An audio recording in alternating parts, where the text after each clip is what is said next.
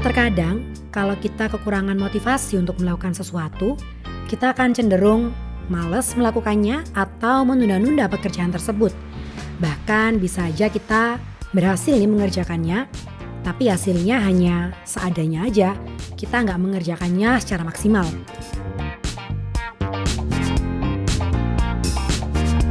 Hai, welcome to Incendio Talks. This is your host Putri Kurnia. Selamat mendengarkan. Podcast ini bakal nemenin kamu untuk ngobrol bareng seputar berbagai cara kembangin potensi terbaikmu. Mulai dari self-improvement, leadership, dan juga gimana kamu bisa kembangin potensi terbaik timmu atau organisasional.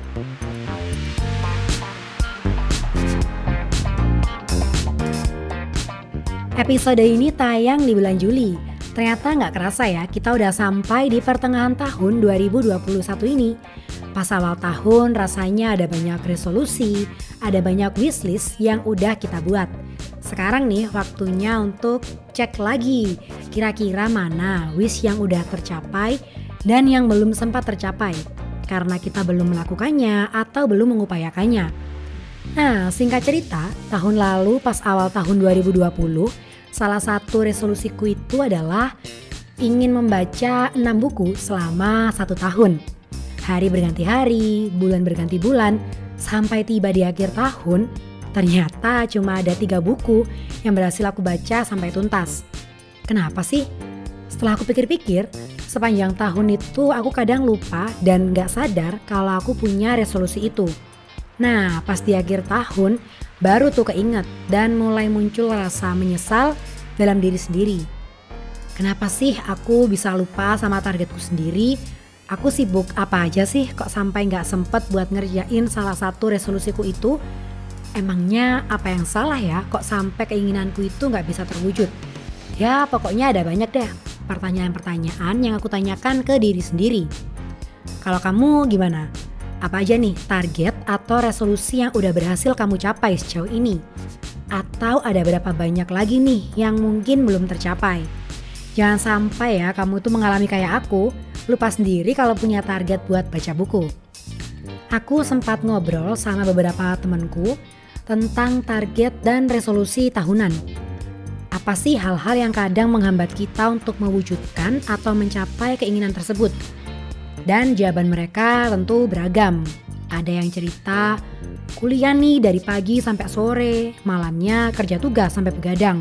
Belum lagi kalau ngurusin organisasi, Aduh, rasanya udah habis aja deh waktu untuk sibuk sama semua itu. Wah, ini anak yang aktif di panitia sama organisasi di kuliah, pasti relate ya sama cerita itu tadi. Ada lagi yang bilang, pagi sampai sore kerjaan padat banget di kantor. Meeting sana sini, pulang kantor pun masih ada kerjaan yang harus dibawa. Jadi rasanya udah pengen rebahan aja, capek kalau mau ngerjain hal yang lain-lain lagi.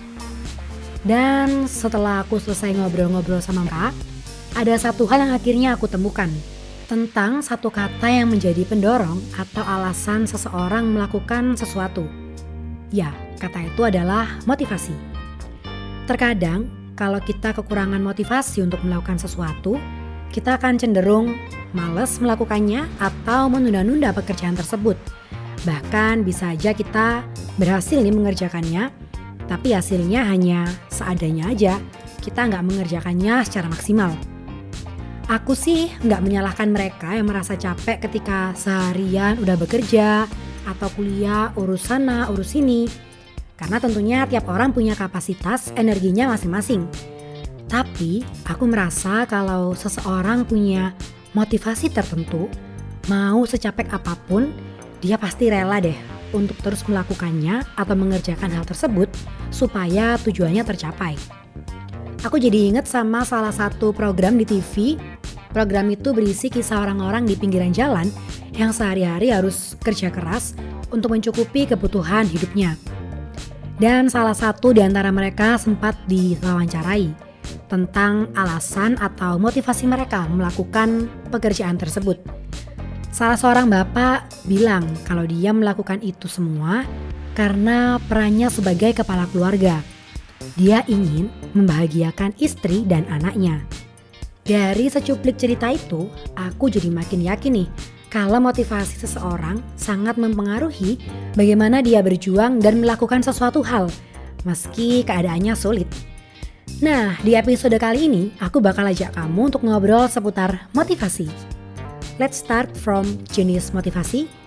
Dilihat dari sumbernya nih, ada dua jenis. Yang pertama, motivasi intrinsik, yaitu motivasi yang berasal dari dalam diri kita, dan motivasi ekstrinsik, yaitu motivasi yang berasal dari luar diri kita.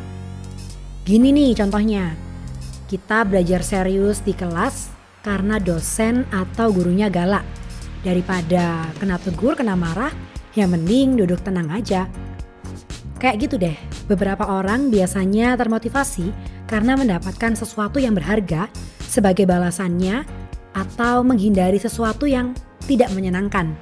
Bukan karena dia menikmatinya, atau menganggapnya menarik atau memuaskan. Tapi pasti lain cerita nih, kalau kita belajar serius di kelas karena kita mau dapat ilmunya atau kita suka sama pelajaran itu.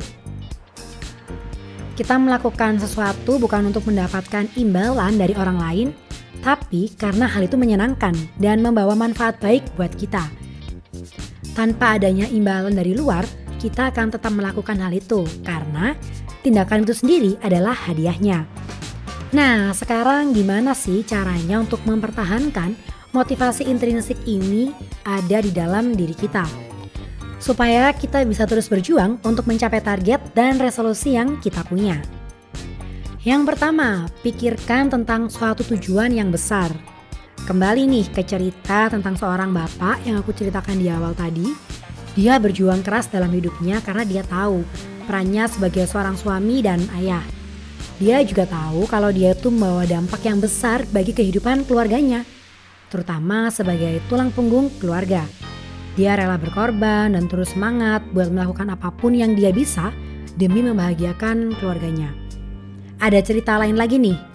John Kennedy, Presiden Amerika Serikat ke-35, pas tahun 1961, dirinya mengunjungi NASA saat itu dia bertemu dengan salah satu petugas kebersihan di sana. Dia pun bertanya ke petugas itu, "Apa yang kamu lakukan di NASA?" Jawaban petugas itu singkat tapi cukup mengena. Jawabannya kayak gini, "Saya membantu untuk menempatkan seorang di bulan." Wow, dari kedua cerita tadi itu punya satu kesamaan. Dua orang tersebut tidak menganggap sepele apa yang mereka kerjakan sehari-hari Keduanya sama-sama kerja keras karena mereka tahu kalau perannya itu bermakna. Dan apa yang mereka lakukan itu punya tujuan yang baik dan tentunya besar. Nah, hal yang sama juga bisa kita terapkan nih. Knowing our why atau menemukan mengapa dari kita melakukan sesuatu dan apa manfaat atau dampaknya itu bisa menjadi salah satu penguat motivasi kita loh Nah, sekarang aku mau ajak kamu untuk lihat ulang nih, untuk cross check ulang target atau resolusi yang sudah kamu tulis sejak awal tahun ini.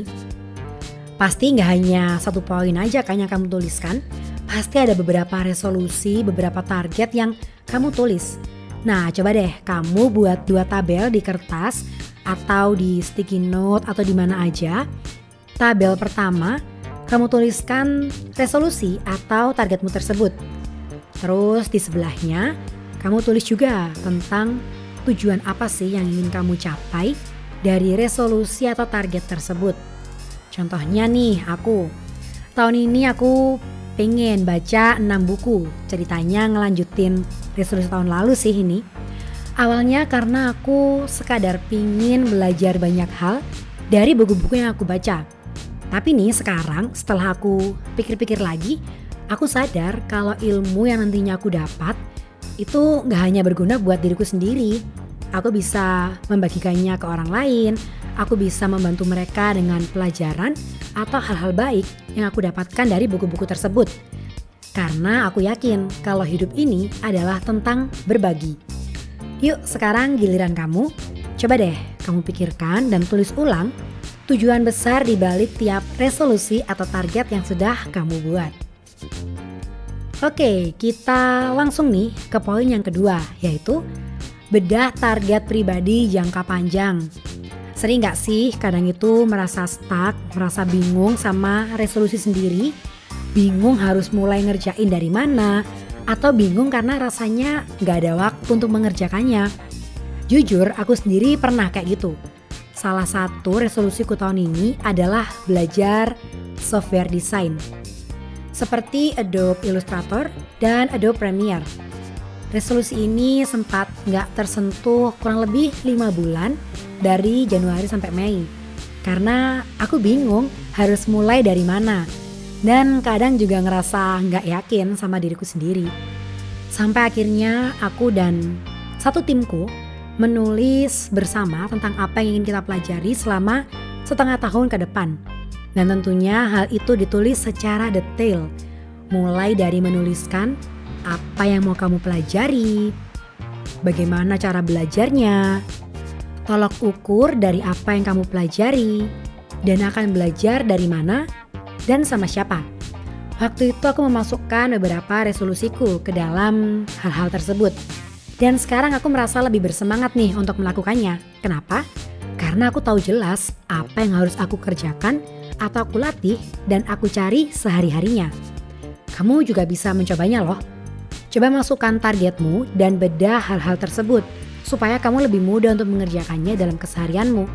Karena kadang yang bikin kita stuck itu karena kita nggak ngerti harus ngerjain apa sehari-hari.